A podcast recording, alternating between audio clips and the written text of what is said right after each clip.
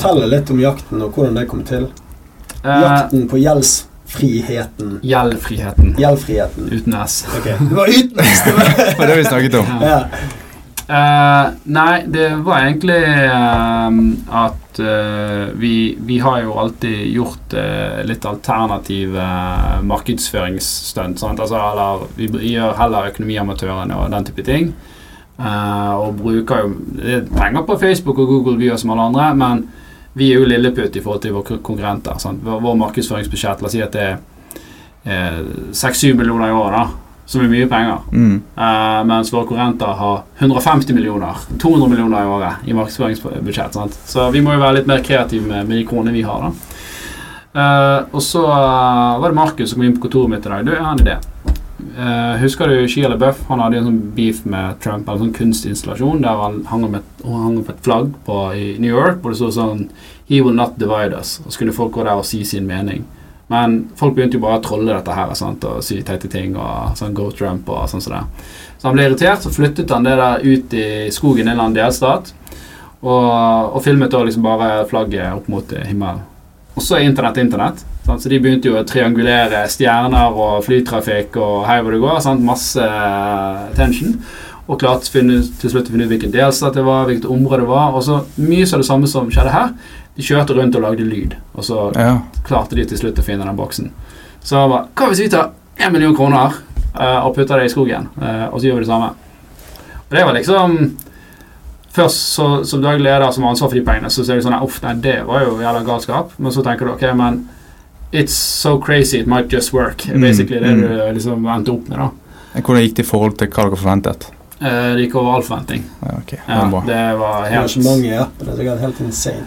Ja da, vi, vi, eh, vi gikk jo Vi har sånn typisk Før jakten så hadde vi kanskje 4000-5000 unike om dagen. dagen 30 000 i måneden. Et, eh, I kvartalet så kanskje sånn 50-60, da. Um, mens her hadde vi jo sånn 40 000-50 000 om dagen Helvete. eh, inne. Så vi, vi hadde vel 52 000 nye brukere på de seks dagene.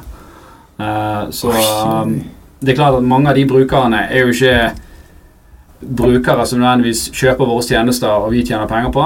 Eh, men eh, merkevaren vår gikk jo fra Vi hadde vel 12-13 prosent eh, merkevaregjenkjennelse i Norge. Altså Hvis du spør liksom, utvalget av Mm. 1000 personer, så var det sånn 12-13% Det er jo ganske mye egentlig i utgangspunktet. Ja, og etter, etter Ja. dette så var det 23 eller 24. Ja, så er basically nesten den, doblet seg.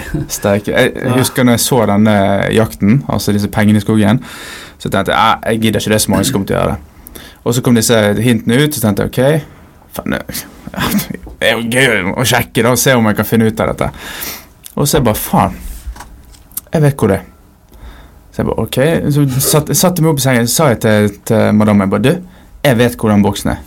Han er på andre siden av landet, skal vi sitte oss i bilen? Og det er sånn åtte timer å kjøre. Så bare, ok, eh, Fjellovergangen er stengt. Vi kommer ikke, Da må vi kjøre rundt Kristiansand. Da tar det oss 20 timer å kjøre til Oslo. Så jeg sa, sånn, ok, Men jeg er ikke helt sikker på hvor han er. Så vi var nesten på vei med hønene ut til svigers for å sitte oss i bilen, men så så vi at det var stengt. Og så har jeg en kamerat som flyr helikopter. Så ringte jeg til han og sa du, jeg vet hvor denne boksen er. Den har du sett på, på nettet. Ja, han hadde sett noe videre av det. Og det er gøy, for han er eh, han var med, han. Han bare 'Jeg skal ha halve premien. Så skal jeg fly dere gratis over'. Eh, og så sjekket jeg ja, det er for dårlig vær, vi kan ikke fly over. Jeg bare, faen, hvordan Jeg vet jo hvor han er. Og da tenkte jeg at Jeg tenkte koordinater. Jeg tenkte at det var hva var det, 1 078 000 218 kroner. Ja. Antall personer som hadde rentebærende gjeld Ja. i utgangen av september. Og da tenkte jeg, ok, Det er det ene tallet på, eh, på koordinatene. Og så fant jeg litt forskjellige andre tall som var i nærheten av den kommunen så det var kommet noen tips om masse spekulasjoner. Elverum, Ja, ja. Så det var liksom rett overfor Elverum. Jeg bare, Der er han. Så så jeg på kameraet nei, nei, der. Så ringte jeg rundt tre stykker. Så ringte jeg til han kameraten min. Han bare ja, eh, vi flyr over Nei, faen, vi, får, vi kommer ikke å sove. Bare, ok. Så ringte jeg til en kamerat, Mr. Millionish, eh, Levi i Oslo. Jeg bare du, jeg vet hvor denne boksen er. Kan du kjøre, du skal få halvparten av pengene. Han satte seg i bilen klokken åtte om kvelden etter jobb. Han, fruen og to ansatte, tror jeg, satt på roadtrip. Kjørte tre-fire timer. Jeg satt hjemme og prøvde liksom å finne nye koordinater i området. Og jeg bare, jeg, vet han er der. De satt og filmet. De tom for strøm på bilen. Folk måtte dytte de, altså Lokale folk måtte dytte de frem til en sånn ladestasjon, fordi vi gikk helt tom. Og så lette de klokken syv om morgenen. De fant han ikke, da. Mm. Og så viste det seg at han var et helt annet sted. Ja, det, Det er veldig bra jobbet, Andreas. Veldig bra. Du er akkurat som de der som sier Jeg hadde ideen på Uber. Jeg, eh, du er bare sånn Jeg vet hvordan du gjør det. Jeg vet hvor han er. Altså, jeg var helt sikker. Jeg, jeg hadde betalt mye penger for å komme dit, men det var liksom Jeg bruker et døgn frem og et døgn tilbake igjen. Mm. Jeg deler halve gevinsten. Jeg vet jo hvor han er, og så var han langt unna. Det koster å leie et helikopter til Elverum fra Bergen. Ja, det koster det. Han eier helikopter sjøl, okay. så han har litt bedre priser. Men uh, han var villig. Altså, Hvis du vet hvor han er og er sikker, så flyr dere over, og så deler vi potten. Ikke, Heldigvis så, Så var det stengt. da. Hvis ikke, så tok han kosten. Det var liksom okay. risk award for han. da Mm. Ok, interessant. Så jeg er jo glad det var Ja, han gjorde det. Og jeg bommet jo som faen. så Nei, det men, min lillebror han eh, vet jo veldig på dette da. Så han, eh, han sendte jo i familiechatten Min far kan sånn alle fugler i verden. Han er Ja. like sikker på fugler som du er på eh, hvor ting i Elverum er. Så, så eh, han bare 'Hvilken fugl er dette?' Min far bare eh, s- s- s- Han fant ut Visste Mm. nøyaktig hva fuglet var. da Nøtteskrik. ja, sant? Og så var det sånn Ja, men hva gjør et nøtteskrik? liksom Finnes den over hele landet? Vet du det? Mm. Er den over hele Nei, nei, han er ikke over hele landet. Okay. Uh, så det var jo et av Det var et av hintene som kom i appen. da, sant? Uh, et, det var et hint på at kanskje man bør sjekke faunaen og Ja. dyreliv. Ja, Uh, så nøtteskriken har Du finner også her på nettet ja. hvor den befinner seg. Så du kunne da liksom si at ok, Mm. da er det mest sannsynlig i dette området. Ja. Den kan komme helt ut på Vestlandet òg, liksom, men det er veldig veldig sjelden. Men var dette en ekte fugl som bare falt det liksom Tilfeldigvis. med vilje? Eh, Eller har dere pantet det? sånn, eh, Nei, men har dere, en utstoppet fugl som dere sånn plasserte Nei, inn har der? ikke Nei, det var jo altså fugler som vi, vi, vi, vi la jo ut litt fuglefrø der, da. Ja, ok. Ja. Ikke så mye at det skulle liksom disrupte økosystemet, men nok til at vi, vi håpte at det skulle bli litt eh, Mm. liv. sant? Om natten så var det jo en mus som kom der hele tiden. Sant? Så han, han ble jo kalt Frank. Så han ble jo en, Ja, så jeg. Han ble jo kjendis. Han. Ja, ja. Så jeg vurderte å trykke opp sånne T-skjorter. og da, sant? Altså, Frank, ja. Nattevakten Frank. Og, Gøy.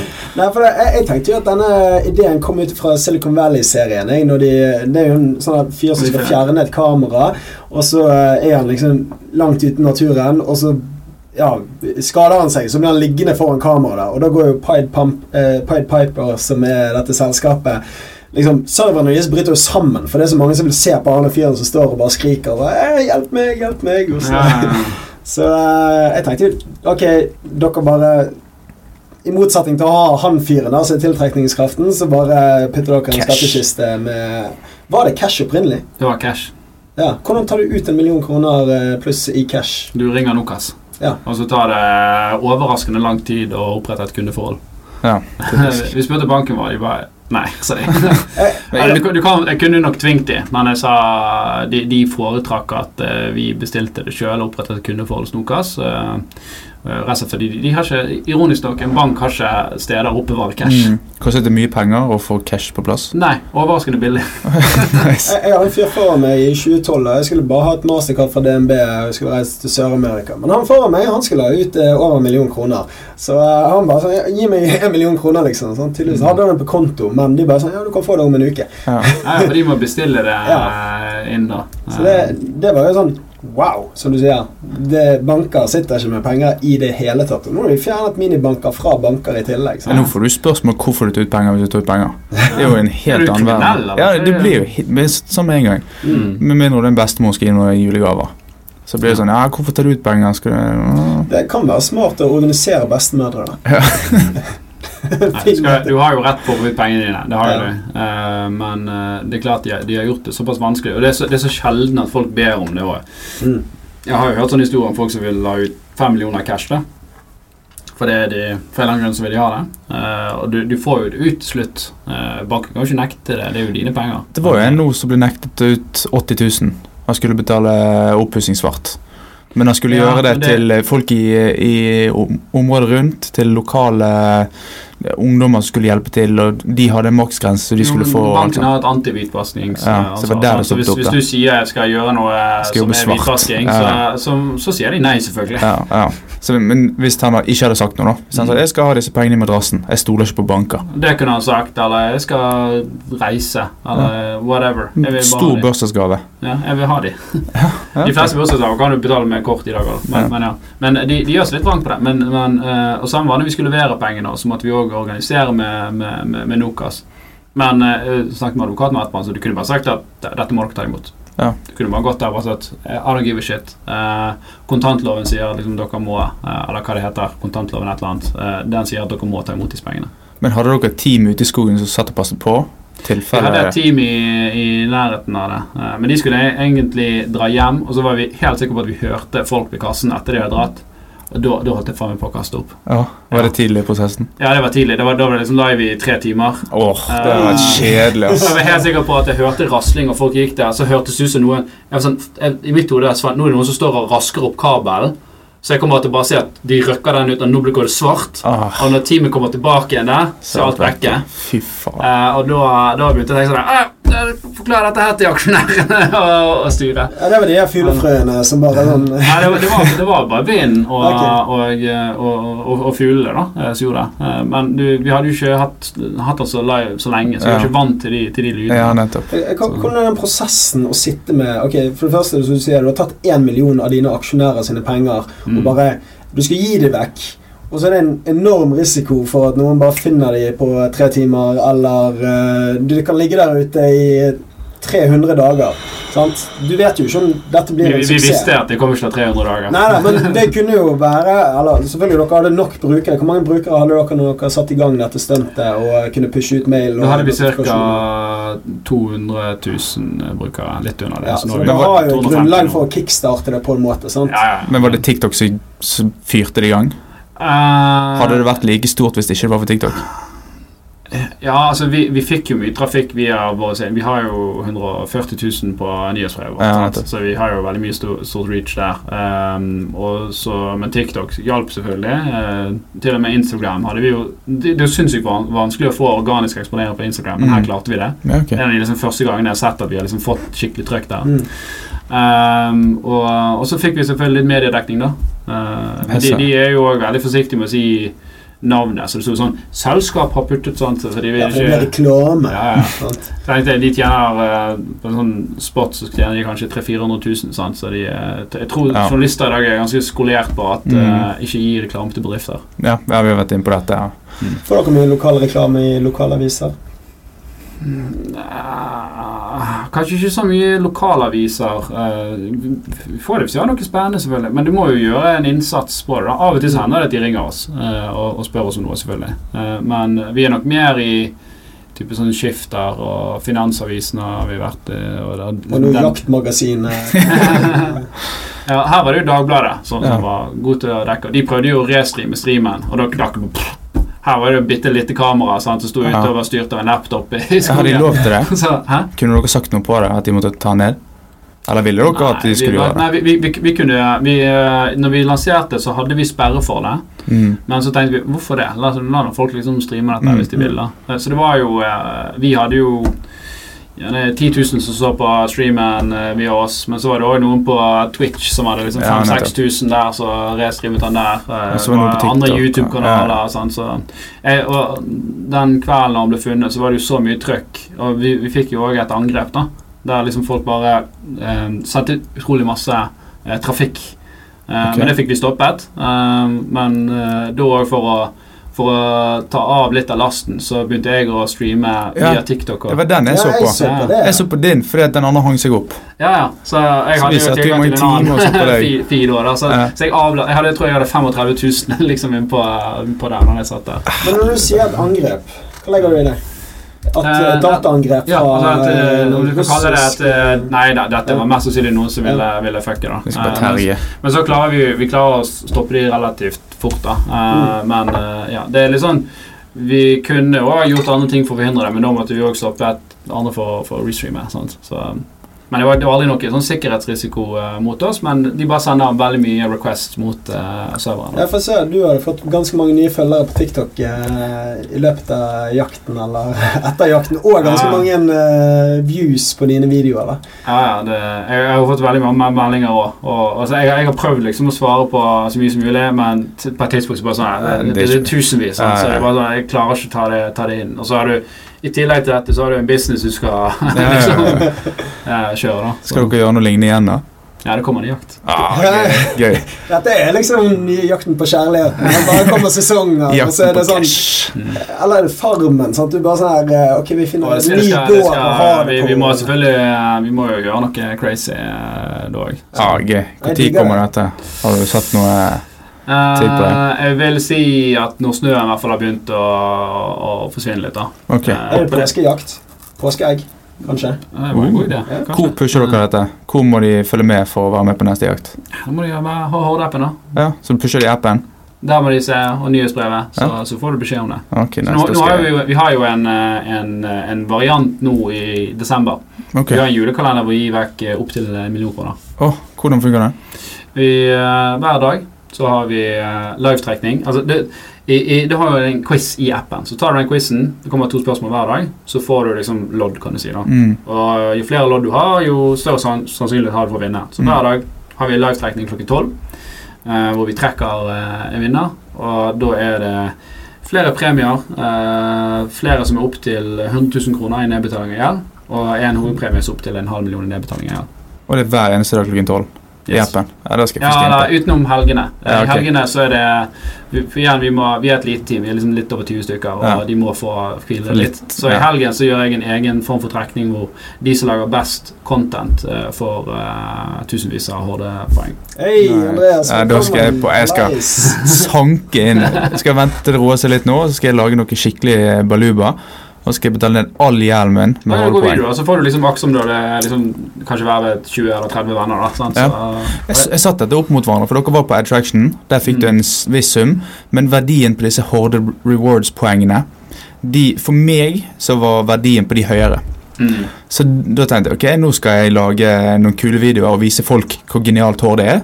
I håp om at folk selvfølgelig løste ned appen for deres del, men òg for at jeg skulle få poeng. Sånn at jeg kunne enten kjøpe meg en PlayStation eller betale ned gjeld. Og så kom dere ut med den jævla jakten, så alle i verden har jo lastet ned appen. Så da eh, venter jeg litt, og så kanskje jeg skal lage show senere. Ja, gøy. Alle i verden har jo lastet ned appen. Hvor mange i verden har lastet ned appen utenom Norge? Er det Norge som er hovedfokuset? Eh, Ja, definitivt. Vi, vi lanserte jo eh, en, en internasjonal versjon i 2022 med, med vennelån som liksom flaggskipet. Mm. Eh, men samtidig så eh, I starten av 2022 så endret jo økonomien seg ganske betraktelig. Sant? Eh, det gikk fra at det var enkelt å hente penger sant, i hermetegn, til at renten begynte å stige og alle ble nervøse. Så vi måtte jo endre gir da og si at ok, nå, kan, ikke- nå har vi vokst ganske mye, nå kan ikke vi bare satse på vekst, nå må vi gå for lønnsomhet. Mm. Så vi firedoblet jo eh, omsetningen vår i 2022. Eh, og var i hvert fall godt over doblet den eh, i år, til tross for at markedet er litt ræva. Tjener dere penger nå? Eh, ja, nå, vi, vi begynte litt før sommeren å tjene penger. Og så har det vært noen sånne eksterne hendelser hvor banker har hatt litt sånn issues. Men eh, nå i Q4 eh, suser vi tjener penger igjen. Kult. Og så ga dere alle pengene vekk i år. Ja, det er jo det, da. Det, vi har jo en stor utgiftspost eh, der. Og nå kommer det en ny en til. Sant? Så, så liksom det Det er jo vi reinvestere, da. Ja, det er det vi gjør. Sant? Så vi, vi, vi kliner inn igjen. Eh, Vi skal vokse, vi skal ta en posisjon her. Det, Kult. Jeg har fulgt med i ganske mange år. Dere startet vel i 2018. eh, Gikk live kanskje med appen? Eh, selskapet ble eh, stiftet i november 2018. Eller 30. oktober var det vel 2018. Det var òg ene koordinatet jeg testet ut. Det var eh, Dere hadde en som sånn eh, Hva heter det når dere startet opp Horde? Nemesis Horde eller noe sånt. Genesis. Genesis. Så jeg gikk på AppStore så fant jeg når dere lanserte, og så tok jeg det som ene koordinatet. Og så sendte de gutta det. Men det var det ikke var ikke dumt, tenkte jeg, men det, det var jo faktisk stiftelsesdatoen. da Det var det, ja. Så, Ja, ok. eh, 3110. Men hva var det det? Det var ene koden på låsen. Det var koden på låsen? Ja. Ja. Ok. ok. Så vi måtte jo, altså ting gikk jo Vi, vi, vi hadde egentlig planet den som skulle vare kanskje to-tre uker, da men det tok seks dager. sant? Ja. Så de første tingene vi måtte få ut, var jo at vi måtte få ut kodene. Ja. sant? For det blir så kleint hvis folk kommer der, Og så og så har ikke de koden. Og hva skal vi gjøre da? sant? Ja. Uh, og så kommer det flere og flere og flere. sant? Altså, det, det, kunne, det kunne oppstå situasjoner Ja, som var kunne være skummelt. sant? Både for de som var der, og for jeg hadde folk ute i skogen der. sant? Klart det. Jeg sa faktisk til elever De spurte hva koden var, så jeg har ikke peiling, men dere finner den til slutt. Det er bare å sitte og vri og vri og vri. Ta på dere gode klær. Ja, Du kan jo gjøre det, men det tar jævlig lang tid. Ja, ja, ja. Det er ganske mange kombinasjoner. Det er 10 000 eller noe sånt. Ja, så du skal, du skal sitte en, og, en, en annen ting at Selv om de som hadde koden, de styrte jo litt altså Den låsen er ganske treig. Ja, okay. Når du sitter der ute og du er kald på fingrene Eh, og de har vært der i seks timer eller noe sånt. ja, sånn, så, så, så til og med hvis du vet koden, så er det litt sånn at du lirker den litt, og der Ja. kommer den, liksom. Ja, ok. Så, så jeg, jeg tror du hadde hatt en veldig dårlig opplevelse. Ja. du, Ja, ja. du hadde fint hoppet over koden. Ja. Men det jeg synes er så genialt med Horde, det er jo at dere har jo blitt liksom den bankappen som jobber for kunden, sant? for å skape verdier for kunden. Og En horde med forbrukere. sant? en horde med forbrukere som går sammen mot eh, de etablerte for å forhandle frem gode vilkår. Mm. Burde jeg bare komme med sånn reklame? Ja. okay. Kjør på. Ja. Eh, og det er jo ganske fett, for det er nå når du sier ja, dere har 200 000, 250 000 brukere, sant? Eh, og, og så kan dere bare pushe nye produkter. Sant? Så når dere nå har fått opp denne brukermassen, dere har begynt å tjene penger, så er det bare uendelig med muligheter for hvilken andre måte dere kan skape verdier for deres kunder med aksept på bankdata og forhandle på deres vegne. Sant? Så det er jo råkult så lenge bankene gidder å spille på lag og åpne opp for dere via Ja. PST3, Er det det som kommer nå? Ja, og FIDA er et annet regelverk. Okay. Så, så um, det, det kommer til å komme. Men det vil jo bli sikkert mye sånn som PC2 at bankene jobber uh, imot det. det. Dette kan, vil jo dekke forsikringsselskaper òg. men så lenge det ikke er bøter for ikke å etterleve, så er det klart at det er ingen som banker eller forsikringsselskaper som vil rushe den utviklingen der. Mm. Eh, så, men ja. Nå når dere har lansert Horde i utlandet, er det, heter det Horde i utlandet? Det, det gjorde det, men, men den satsingen satte vi på pause. Eh, Ja. Rett, jeg kom ikke så langt. Ja, det var der vi var. historien. Eh, at vi, vi, vi, vi måtte liksom gire om litt, så da, da så vi, fikk, vi lanserte den, men så måtte vi bare si til oss sjøl ok, nå er vi live i Tyskland og Spania og liksom syv andre land. Eh, Skal vi bruke liksom, de, de få kronene vi har eh, som, til, til å liksom prøve å penetrere de markedene der, eller skal vi liksom passe på at vi faktisk gjør noe nyttig her i Norge? Sant? Og Tyskland er 80 millioner mennesker. Mm. Om, om du står med 10 millioner kroner i markedsføringsbudsjett altså, Det når jo ikke ut i det hele tatt. Det, doesn't make a dent. Det er 1 Ja. million euro. Ja. Uh, og liksom en annen konkurrent vil gjerne hente til 100 millioner euro for å liksom gjøre det der. Mm. Så, så, så der var litt sånn Samme med, med dette booster-konseptet òg. Det var litt sånn Ok, det har vi fått opp til et visst poeng, eh, punkt nå. Teknologien er klar. Men så liksom kollapser bortimot kryptomarkedet, og folk har mindre penger til å investere i krypto. Alle ville investere i krypto når det var under covid, for folk Mm. hadde for mye penger. Sant? Mm. Så Det er derfor kryptokursene gikk. Nå har ikke folk for mye penger. Eh, nå er det austerity measures, altså folk strammer inn. Og krypto går ikke så bra. Bitcoin har tatt seg litt opp, da. Så det er også en sånn ting som vi sier at ok, den, den må vi bare Den er laget, den er klar, men den må vi legge i skuffen til enten kryptomarkedet er moden for det igjen, eller vi må se på en annen eh, alternativ finansiering for å kunne gjennomføre det prosjektet. Og hva var Booster og tankegangen bak det i forhold til deres businessmodell? da? Tanken var vel det at vi Igjen dette her eh, overordnede tanken med å gjøre deg til sjef i egen økonomi og fjerne finansielt stress. da. Eh, Så er det klart det er mange som har mye lån, eh, enten forbruksgjeld eh, eller at de nå kjenner på boliglånet sitt at det er begynt ganske stramt. Så vi ville gi dem en, en, en, liksom en ventil da, for å kunne, kunne liksom lette litt på trykket der. Så, så Bostad var at du kunne selge opptil 20% av boligen din til Bostad. Du fikk det nedbetalt på lånet ditt. Du fikk det altså ikke i cash, du fikk det nedbetalt på lånet ditt. Og da kunne du gjerne senkt senke liksom, månedlige betaling på huslånet ditt med en 25-30 avhengig av hva rente du har. da, og hva nedbetalingstid du har. Og det er klart at det hadde vært liksom gull for mange. sant? Det er mange som har det kjempetøft nå, og kunne du gjort det, så, så hadde du i hvert fall fått det til å gå rundt. Og så kunne du kjøpe tilbake en andel inn i framtiden. Det er du som bestemmer sant? når du ville kjøpe den Mm. tilbake igjen. Istedenfor for verdioppgangen. Jeg fikk jo fra Accountor i dag, da, som driver regnskap på vegne av borettslaget vårt, hvor vi i styret skulle gå igjennom og, og titte på. Da var jo det Jeg tror det var 14% økning i felleskostnader, da. Uh, så det, det svir jo på pungen sant? Mm. når du skal betale for uh, eiendommen. Og dette er jo sånn Du setter opp budsjett for ett år om gangen, og så må det godkjennes, da. Så jeg er jo litt uh, når, når du vet at renten går opp både hos eh, DNB, som jeg betaler til, og så skal du i tillegg betale høyere fellesgjeld, så vet du du spiser jo av marginene for hver, hver måned du leier ut. jeg hørte jo penger med en gang jeg hørte dette her. Så det første jeg gjorde etter jeg hadde hørt uh, podkastepisoden, hvor dere lanserte det Så da bodde vi i Spania. Så ringte jeg til eh, Eller sendte de en melding og spurte Du, har du to minutter. For da så jeg altså, Hvis du kjøper en eiendom, sant? så får du hvis du hadde klart å Du enten skulle bare offloade risikoen på bostad. Du må få Jeg- egenkapital. Altså, Du kan låne 85 privat, sant? og i selskap kan du, hvis du har en god bankforbindelse og du har gode prosjekter, så kan du låne kanskje ja, Jeg har lånt 100 men si 80 som er snitt. da. Mm. Og hvis du får ut 20% på hver eneste utleiebolig jeg har, Mm. så kan det bare gå repeat, repeat, repeat, kjøpe, gå booste 20% ut. Da har jeg 80% finansiering hos banken og 20 hos booster. Mm. Og så gjør jeg det på nytt, og så gjør det på nytt. Bare, Tenk hvis du hadde gjort det, da. Har du vært eh, fornøyd med det med dagens rentesituasjon? Og... ja, altså, Du betaler jo ikke renter til sant? Så det nei, men 20, hvis 20 gratis egenkapital. Jo, jo, men du hadde jo fortsatt tatt eh, 80 lån da, på Ja. boligene som hadde gått fra 2 rente til eh, 5 5,5% rente. Ja da, men igjen så hadde jeg ikke kjøpt dårlige prosjekter. Jeg hadde selvfølgelig kun kjøpt gode prosjekter som hadde tålt en, eh, en real situasjon. Mm. Altså de hadde tålt Du må i hvert fall sik sikker på at du hadde hatt eh, utleie på dem. Ja, klart det. Du må jo ha inntekter på det. Jeg kan ikke sitte med ti hus sant? Uten å ha cashflow på det. Men om du kunne funnet en sånn modell eh, hvor du kunne fått ut penger og gjort det om og om igjen, kunne bygd mye eiendom ganske fort. Men da stoppet du meg med en gang. Sa du dette er ikke, vi, vi lager ikke dette for at du skal tjene penger, vi lager dette for at folk skal jeg, få litt. jeg, jeg sa ikke akkurat sånn. da Jeg sa at for, Formålet er ikke akkurat de der vi, vi, har, vi har tenkt på de tingene. Ja. Så det kommer til å være begrensninger på at du kan liksom ta maks én bolig per pers. da Ja, At det skal være Smart. liksom. Og gjerne ikke selskap. Ja, for det, det har igjen Hvis vi skal ha investorer som skal uh, uh, eh, kjøpe denne coinen, da, så har jeg jo har jeg ansvar for at det skal være en viss stabilitet der. Mm. Så hvis noen da gjør dette her, så kunne du tatt skyhøy risiko. Går det bra, så har du en kjempehøy fortjeneste på dette.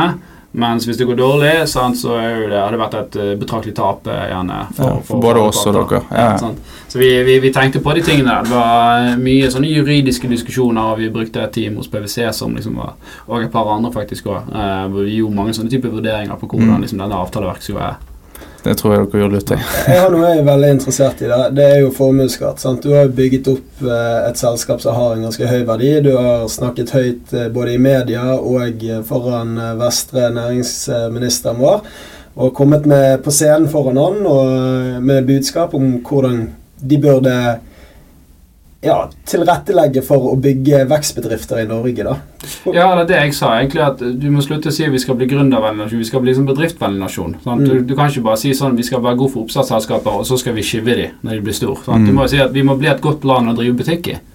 Og hva skal til for Eller når kommer det stadiet hvor du ser deg nødt til å flytte ut av landet? For du må vel betale formuesskatt? eh, Jeg har ikke lyst til å gjøre det. Eh, ja, altså Nå er jo Horde unotert. da Har du nå, uh, jeg, jeg, jeg kan ikke børsnotere Horde, for det har jeg ikke råd til.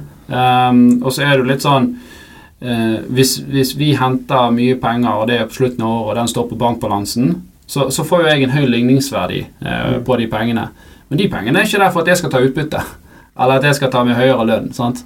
Så, så det er jo det som er greien. De pengene er øremerket til videre utvikling av selskapet. Risikokapital. Så gründere kan jo da risikere å få liksom hundrevis av tusen, kanskje liksom en halv million eller mer i, i, i formuesskatt på, på, på verdier som aldri blir realisert. sant? For, for de pengene de har jo ikke samme verdien som er et holdingselskap, hvor jeg kunne bare tatt ut og sagt at dette er mine. Her er jo de investorene puttet inn pengene for at jeg skulle bygge selskapet videre. Så det er det som er litt av problemet med den uh, formuesskattmodellen eh, som er i dag. Ja, det er jo Problemet at mange ikke skjønner helt at det er kun norske eiere som betaler dette. Sant? Så f.eks. Høyre kaller det en særnorsk eh, særeierskatt for norske eiere eller noe sånt. Ja, Nå hadde jo Høyre åtte år på å fjerne den, og ikke Ja, til det. Sånn, så, Men de høynet den heller ikke sånn så Nei, de ga, de ga noen aksjerabatter og, og, og, og den type ting, som for så vidt var, var, var bedre. Men det er jo en litt sånn tullete skatt. Og så sier Vestre at ja, men hvis vi fjerner den, så blir det 25 000 nullskattytere i Norge. For det første så er det feil. Eh, for de er jo ikke nullskattyter bare fordi at de eh, ikke betaler eh, formuesskatt nødvendigvis. Og, og disse han snakker om da, det er de som før formuesskatten ble innført, så tok de ut store utbytter, og så lånte de tilbake igjen til selskapene, Ja. og så har de gradvis tatt det. Men det er jo en døende rase. altså den, den de, Det er begrenset med kapital de, de, de, har brukt opp liksom, den muligheten etter hvert. Mm. da. Så det, det føler jeg er sånn liksom misvisende argument å, å, å, å bruke. Det er ikke sånn at folk kan gjøre det i dag. Men hvilke tiltak må til for å fikse dette, da?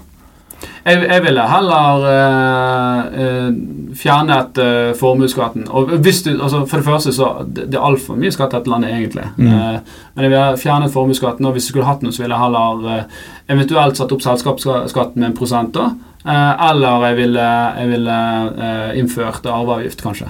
Okay. Eller lav arveavgift for å liksom backe litt opp. Men så kan jeg si at altså, i, I Norge nå så er vel 42% av BNP eller noe sånt eh, er skatt. BNP. Uh, ja. Internasjonalprodukt. Bare, det, Ja. Vi har fått litt feedback på at vi bruker uh, ord som vi gjerne må forklare. Ja. Så ikke alle har hørt om den det. økonomiske verdien eller Ja. omsetningen sant, i landet. Uh, i, i, USA så tror jeg han er sånn 18 sant? Jeg skal ikke at vi skal bli USA, da, men, men der sier de hvis den bikker 20% så spiser du den økonomiske utviklingen til landet. Mm. Sant? Du eter mer av kaken enn det du klarer å bake. Og her er vi liksom 42 eller 44 sant? Vi er liksom helt i toppen der. Vi bruker mer penger enn det svenskene gjør, som er dobbelt så stor som oss. Så åpenbart er det liksom noe som Vi er litt for fat and happy, fat and lazy her. Eh, Det renner inn penger, men mye av disse pengene kommer fra oljenæringen og fossil energi. Og da slår man alle over en kam og sier men det tjener så mye penger, så gjør ikke at det betaler skatter. Men det ødelegger jo for alle nye bedrifter. sant? Men tenker du da arveavgift for kun cash eller for selskaper? Hvis du arver et selskap som har en høy verdi, f.eks. hvis dine barn hvis du Mm. skulle gå bort, de arver Horde, må de da, eh, ville du da at de skulle skattet av verdien på trenger Av arvehode. Det- Men sånn, altså, det jeg, jeg tenker at jeg ville heller hatt det, da. Ok, for Hvis du skal ha omfordeling, så syns jeg det er en mer rettferdig måte å omfordele om. sant? Eh, Enn eh, liksom ta livet av, av, av de som er verdiskapende. For det er klart, de som er rike nok til at sånn skatt betyr noe, de flytter ut. Mm. Så hvem sitter med regningen? Jo, det er jo oss idioter, det. Sant? Som er sånn, sånn, vi er egentlig ikke rik, men du, du har litt verdier på papiret, ja. Sant? Så derfor, og du, Man har ikke liksom milliarder som gjør at du kan, liksom, kan flytte ut og ha en leilighet i Lugano og, og kose deg. Ja, dette gjorde jo Frankrike gjorde dette på 80-tallet. Og Da flyttet Bernard Arnault, som eier Louis Vuitton-gruppen i dag, da. Og det gjorde ikke han på den tiden. Han eide ingen luksusmerker på 80-tallet. Men familien hadde et generasjonsselskap som eh, var et egentlig entreprenørselskap. eh, Bygde masse store eiendommer. Og han flyttet til USA, da. Og der lærte han om hvordan du kjøper opp selskaper og eh, gjør det på en helt annen måte enn den elegante europeiske versjonen. Men da flyttet utrolig mange folk med mye penger fra Frankrike. Og han kom først tilbake igjen til Frankrike når han var eh, endret på. det. Så eh, det gjør jo at du mister mange av de som kan bygge de største selskapene i verden. Sant? Men nå har vært verdens rikeste mann flere ganger. Og så Tenk hvis han hadde bare blitt amerikaner, da. Istedenfor å være Mm. franskmann. Hvor mye penger og hvor disse arbeidsplassene kommer til å være istedenfor å være i Frankrike. Og det er jo det som fort skjer, at folk når de bor i Lugano, så får de lyst til å eh, bygge Ja, treffer de noen hyggelige mennesker der, da, så de har lyst til å putte noen penger på, istedenfor gründere her i Norge som eh, de hadde bygget relasjoner med og kunne bygget andre selskaper med. sant? Det er åpenbart at du bruker jo mer penger i der du bor. sant? Hadde jeg flyttet til utlandet, så er det naturlig det at du Sånn er vi, sant? Først må du passe på at eh, du klarer å leve, så tar du vare på familien din, så tar du vare på nabolaget ditt, sant? og så tar du vare på liksom, regionen din, og så Mm. tar du vare på landet ditt. Så det er jo sånn det er. Sant? Jo mer midler du har, jo mer tar, tar du vare på. Sant? Trond Moen har masse midler, sant? så han kan gå og bygge ny Brann stadion eller whatever. Sant? Så, så, og jeg synes jo det er liksom en god modell at det er en sånn filantropi i det. da Eh, For det, jeg er mye mer åpen for det. liksom Si at ok, men jeg vil, jeg vil liksom bestemme litt hva jeg, jeg syns er bra. Mm. Ok, Hvis jeg syns at barneidrett er en viktig sak, så, så vil jeg liksom kunne investere i det. Hvis det er liksom bedre eh, matdistribusjon til folk som ikke har, har så mye, så, så, så vil jeg kunne investere i det.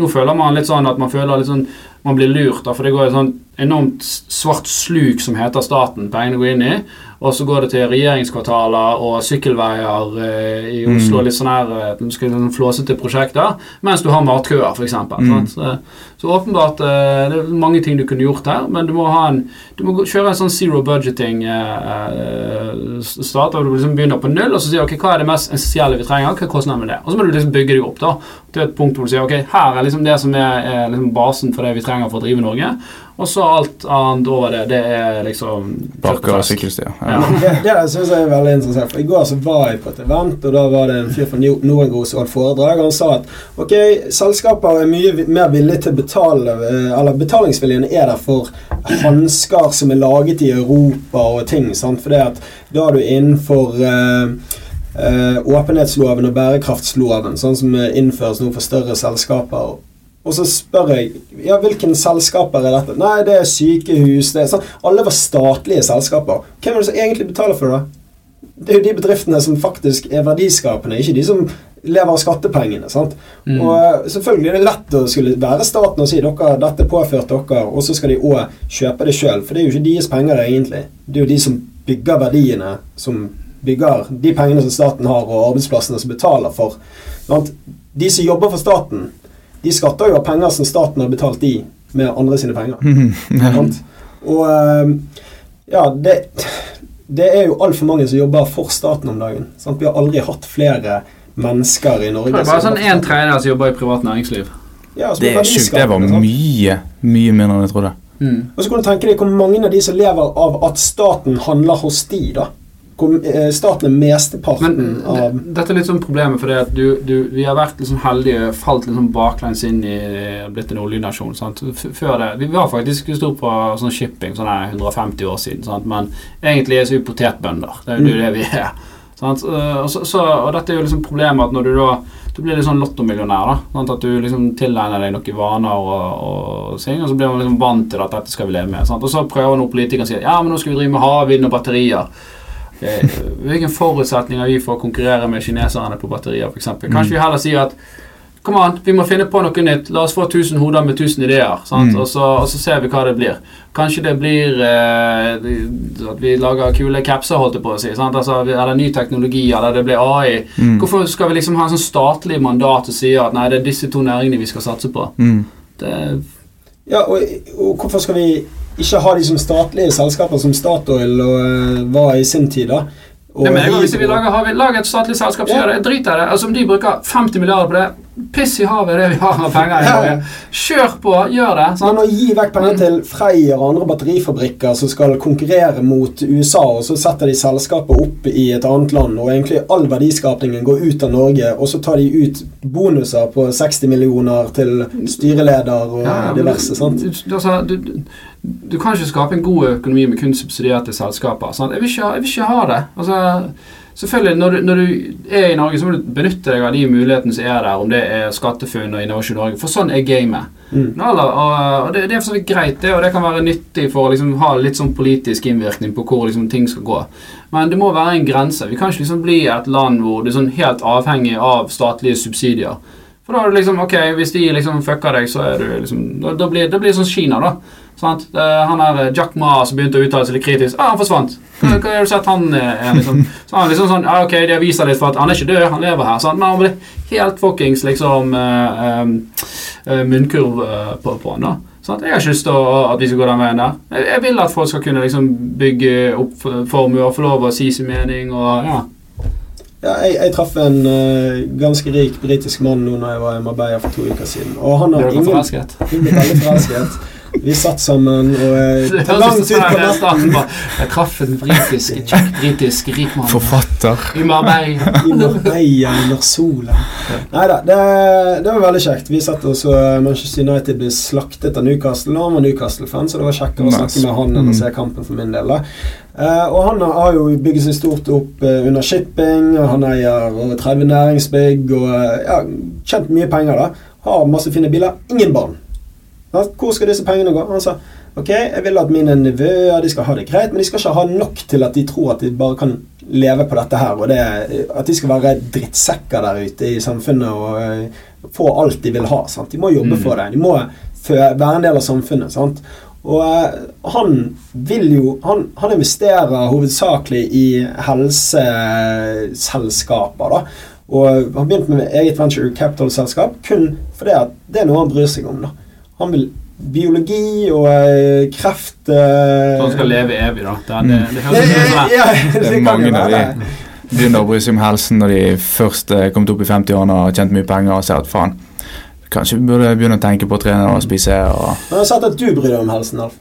Eh, ja, jeg prøver i hvert fall. Ja, du har fastet. Det, det er liksom det første inntrykket jeg fikk når jeg var inne på din eh, TikTok eh, første gang. da Det var jo at du var midt i eh, en eh, lang faste.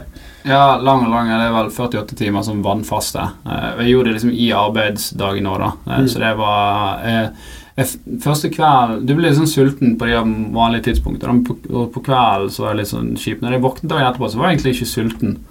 Ingen hodepine heller? Nei, det, som vanlig gikk fint, men uh, jeg kjente jo liksom utover dagen en viss sånn fatigue uh, på energi. da, Og så får du litt sånne boosts uh, innimellom. Men, men ja, jeg, jeg anbefaler det ikke. Okay. Hvorfor ikke? eller, eller jeg, jeg, det kan være greit å gjøre det hjemlig, for det, det er sikkert noe sånn eh, helse altså, for kroppen. ja, Hvis du tenker altså, biologien din, så er jo ikke du laget for at du egentlig skal ha mat uh, hele tiden. Mm. Så For fordøyelsessystemet og alt mulig rart, og, og det er jo noen sånne her eh, ja, Jeg husker ikke hva det men det, det blir vel kalt zombieceller, Ja. sånn, som eh, bygger seg opp av sånne her eh, negative proteiner som du gjerne får renset litt ut. Mm. Uh, Ja, hvis du ikke gir de mat på eh, 48 eller 72 timer, ja, så dør de så skal de daue, tydeligvis. sant? Um, så, så det var godt være det. Men jeg, jeg kan ikke si det var sånn umiddelbar wow-opplevelse. men eh, Hva var baktanken, da?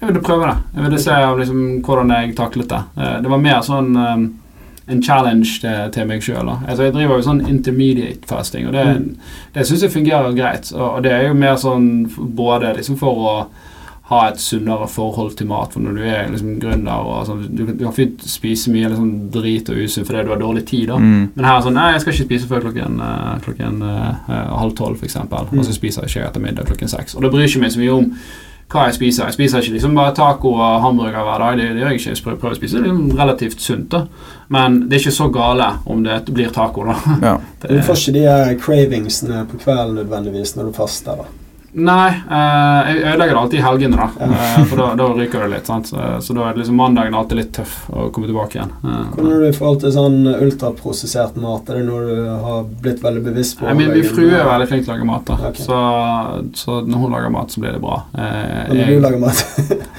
jeg, eh, hvis jeg kun lager mat til meg, så kan jeg, da kan jeg fint bare ta sånn stykke med salbalaks og bare steike det og salt og pepper. Og bortimot bare spise det. Mm. Eh, eller jeg kan ta en uh, entrecôte, uh, for eksempel. Da. Men da, da liker jeg ofte å ha bare sånn her baby leaf-salat ved siden av, eh, og kanskje en dash med sånn uh, potetsalat. Og det er jo Mm. prosessert, den potetsalaten. Mm. Jeg tenker fuck it, altså hva skal du gjøre? Det, Men før vi begynte, her, så nevnte du at du trener Du trener ikke for å få muskler, du trener for å holde deg fresh og uh, i gang og ung på en måte. sant? Og hva, hva trening driver du med for å holde deg ved like? Prøver å variere det litt, da. Så det er jo liksom disse typiske splittene sant? med bryst og, og bein og, og, rygg. da. Så det er styrke, da. Ja, hovedsakelig styrke. Ja. Eller jeg begynner alltid med å løpe kanskje spørs litt sånn, På sommeren så løper jeg kanskje mer. Sant? Da Mm. løper jeg kanskje syv kilometer i skogen, f.eks. Uh, Ja. Det er litt sånn variert terreng, og det tror jeg er bedre- for det er bra. Mens hjemme så er det mer sånn Jeg har tredemøller. Jeg kjøpte under covid, da. Så kjøpte jeg litt sånn treningsutstyr. Så da er det gjerne kvarter på møll, så ror jeg fem minutter, og så gjør jeg enten litt bryst eller benk eller, eller eh, markløft eller sånt. Men ikke sånn som før. Det er ikke sånn at jeg liksom skal liksom trene med 150 kilo i markløft. Eh, Det, det tror ikke jeg har klart å løfte engang. Så, så nå er det sånn Det kan kanskje opp til 80-100 kilo, trener uten belte, da, men det, liksom, det, det klarer jeg fint å håndtere uten at jeg blir skadet. For det, jeg har ikke tid til å bli skadet heller. Nei? Jeg har et uh, siste spørsmål som jeg gleder meg til å høre svar på før vi runder av. Og det er hva er rikdom for deg? Det er et veldig godt spørsmål. Mm -hmm. uh, jeg vil si at rikdom for meg er at uh, de er glad i, å ha det bra, uh, hovedsakelig. Og at jeg har, jeg har midler nok til å ta vare på, på de. Samtidig så tror jeg òg at du skal ikke kun leve for andre. Så for, for meg er det jo liksom det, og det høres gjerne betalt men, eller banalt ut, men det, det å skape syns jeg er veldig gøy. da Mm. Så få muligheten til det, få muligheten til å bygge og liksom lykkes. eh, så det er i kombinasjon med at jeg kan ta vare på de jeg er glad i, det, det er rikdom for meg. Det er, en, altså det, det er jo det samme som går igjen. Det er jo helse. Det er det å føle at du, du skaper en verdi. Nå har vi snakket med en del gründere, da. Og Mm. er du gründer, så må du nesten like å skape verdier. Hvis du gjør dette for pengene, then you're gonna have a bad time. Ja, Nei, det er 100 jo mer muligheten til Hva- å hva- det- det- skape noe, da. Det, det må jeg si, sant? Jeg, jeg, jeg, jeg er jo ikke rik nå, Nei, nei. sant? Altså, øh, jeg kan godt være at Det Harde spørs om skatteetaten spør, eller hva. De, de sier vel at du har ganske store verdier. Eh, Nei, ikke nødvendigvis fordi at Horde er unotert. Sant? Vi, Ja. vi noteres ikke på, på markedsverdien. Og så kan du si hva er markedsverdien av det nå. Sant? Sist gang vi gjorde det, så var jo det 220 millioner i selskapet. Jeg, jeg Mm. har jo bare 15 av det nå. Sant? Eh, Men eh, eh, Og så er jeg litt via familieselskapet vårt. Men, men det er jo ikke den den prisen er ikke nødvendigvis det selskapet er i dag, selv om vi har hatt en formidabel vekst. Det er jo litt Mm. avhengig av hvordan liksom, markedet er villig til å betale for det. Mm. Men sånn har hadde de vært eh, børsnotert, og ok, da eh, Om jeg hadde blitt lignet for 40 millioner, da, f.eks.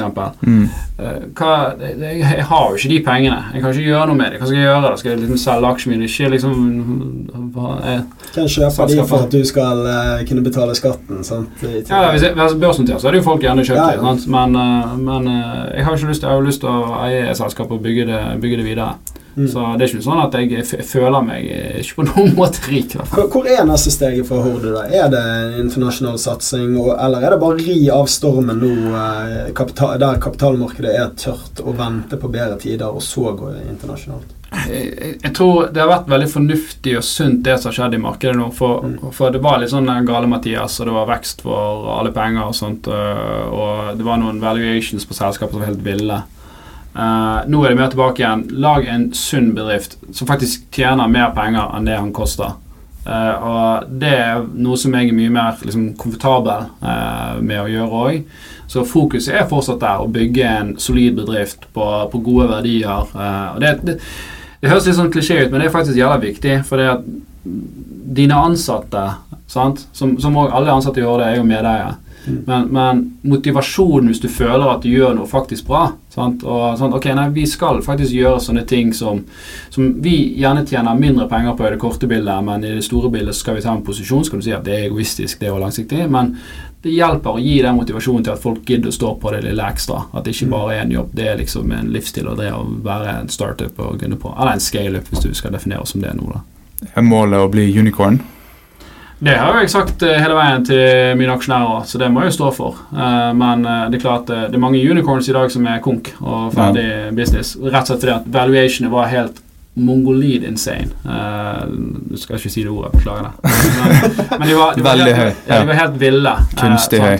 Hadde du sett Horde sin liksom, inntjening i dag på den tidspunktet der, så hadde jo vi vært kanskje en norsk unicorn, sant? for det var helt Ja. bananas. For en unicorn det er en verdisetting på en million dollar, nei, milliard dollar. Med en milliard dollar. Ja. Ja. Så. Så da 11-12 norske. Ja, det er ganske mange av de som er tørket opp eller eh, konkurs, som du sier. Sant? Ja, og så litt sånn, vi, vi fikk jo forskjellige dealer, og, og, og du, kan, du kan få en høyere verdsettelse hvis du godtar å bli noen litt sånn betingelser som jeg tror ikke alle gründere tenker over. da. Eh, likviditetspreferanse, f.eks. Eh, vil si at ok, du får en høyere verdsettelse, men når dette skal selges, eller hvis ting går gale, så skal de andre aksjonærene eh, de skal få ut pengene sine først. Eller det BC-fondet eller sånt. Og det, eh, Vi fikk jo liksom tilbud om sånne deals. Det, eh, men det er sånn Ok, jeg har 1300 aksjonærer.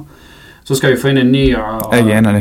Ja, sant? Jeg kjøpte meg inn på deal floor. Ja, og da kan du tenke sånn Hvis jeg hadde gjort en ny deal, da så hadde du sagt Oi, det var dobbelt så høy verdsettelse sist. Dette går kjempebra. Mm. Mens deal har vært at ja, hvis dette går dårlig, og Horde må selge på brannsalg til noen, så hadde de fått pengene sine tilbake. Du hadde ikke fått Mm. noe. Ja. For de har likviditetspreferanser. Så du kan liksom få opp verdisettelsen din med å godta litt sånne shitty terms men vi igjen jeg liker liksom sunn fornuft. Sant? Bygg et selskap som får mer inn i det du får ut. Uh, sant? Og Pass deg litt for sånne altfor finurlige avtaler. Eh, Mm. For du, du konkurrerer da. Når du skal gjøre en sånn avtale Du gjør ikke mange sånne i ditt liv. Nei. De som er på andre siden av bordet, de, de gjør sånn hele tiden. Mm. Sant? Så du, du, du, du, du, du forhandler jo mot, noen som har et helt, helt klart overtak på deg på hvordan liksom, dette skal struktureres.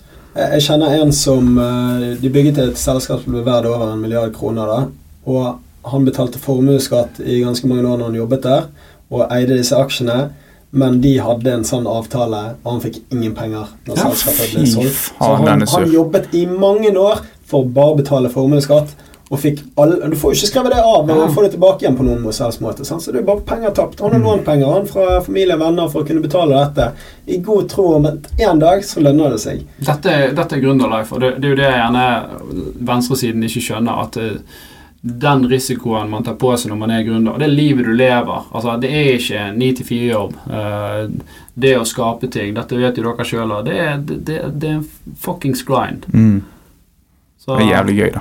det er jævlig gøy når det går bra. Ja. Eh, Det er forferdelige liksom berg-og-dal-baner. Det er det. Eh, Og så er- handler det om å gjøre mer riktig eh, enn det du gjør feil. da, store Og lære hele veien, ikke Absolutt. minst. Eh, Du hadde faktisk et spørsmål til. Ok, eh, Så du, så du nevnte. Hva- Hvis du skulle gitt et tips til deg sjøl for uh, Når du var 20 år, Ja. 20 år. hva tre gode tips til 20 år gamle Alf. Ah, ja, han, Når det han, kommer han til- når det trengte kommer mye til gode tips. uh, Økonomi, helse, uh, rikdom, da. Ja, eh, jeg, jeg ville nok sagt kanskje det at altså Når du er 20 år, så er kroppen din veldig tilgivelig mot deg. Og jeg trente jo litt, da, men jeg, jeg, det, det er først egentlig liksom i slutten av 20-årene jeg begynte å trene bra. Så kanskje begynne tidligere med det. Mm. Sånn at, La- trene fast. ja, få et bedre eh, grunnlag eh, der. Men så er det òg en sånn kombinasjon med at eh, ok Ha det gøy hvis du vil ha gøy, da. Eh, du kan fint bli gründer når du er 30. Det er ikke Mm. noe problem, det. Eh, så du kan si sånn Når du er ung og 20 år, så har du Du kan ta ganske høy risiko, egentlig, da, sant? for du har ingen andre som er avhengig av deg, og Mm. du kan alltid flytte hjem til mamma. Sant? Når du er 35 år, så har du, du har mye mer erfaring og livserfaring og kanskje nettverk, sant? men da har du liksom familie og du har huslån og liksom det, det er større risiko. da. Mm. Så, så jeg, jeg, jeg, jeg vil ikke nødvendigvis sagt at liksom sånn her uh, gønn på da, for jeg var, jeg var ganske teit 20-åring. Jeg tror jeg har liksom gjort veldig mange dumme ting. Eh, så ja, Nei, godt spørsmål. Ja, du kan gjerne begynne å ta vare på helsen tidlig da, og være obs på det at du kan gjerne ta mer risiko, men det haster ikke å begynne så Det tidlig. haster ikke liksom å, å, å liksom bygge litt eh, stein på stein, ha det, ha det gøy med det. Du er bare 20 år én gang. Mm. Sagt, mm. Her, altså, disse 50-åringene som blir helt sånn noia fordi liksom, 20-årene er jævlig gøy, så pass på at du har det gøy når du er 20 år og du har helse med deg og du kan liksom Ja. Men du, du føler deg ikke som en 37-åring i dag, regner jeg med? Sånn som du trodde når du var 20 år at en 37-åring var? Nei, nei, det var jo gamle menn, det. da Eh, Så jeg føler ikke meg eh, sånn, selvfølgelig. Eh, Så, men jeg føler meg mer moden, selvfølgelig, og, og mange livserfaringer rikere. Men jeg hadde det veldig gøy òg da jeg var 20 år. Så jeg, jeg ville liksom ikke nødvendigvis byttet det. da Mm. Nei, men Mm. vi setter utrolig pris på at du kom. Og tusen Veldig takk for kjekt. Og så må dere selvfølgelig laste ned HD-appen. Selvfølgelig. For å bli gjeldsfri. Gjeldfri. Uten S. Ja. Eller, så vi sier Det langsiktige målet er at vi skal gjøre alltid sjef i egen økonomi. Ja. Men vi har fokusert på gjeld nå, men det kommer mye mer etter hvert. Veldig bra. Kult. Takk skal du ha. ikke glem å abonnere på podkasten på YouTube og på Spotify. Legg gjerne igjen en anmeldelse. Vi ønsker at du lytter til oss. Takk skal du ha.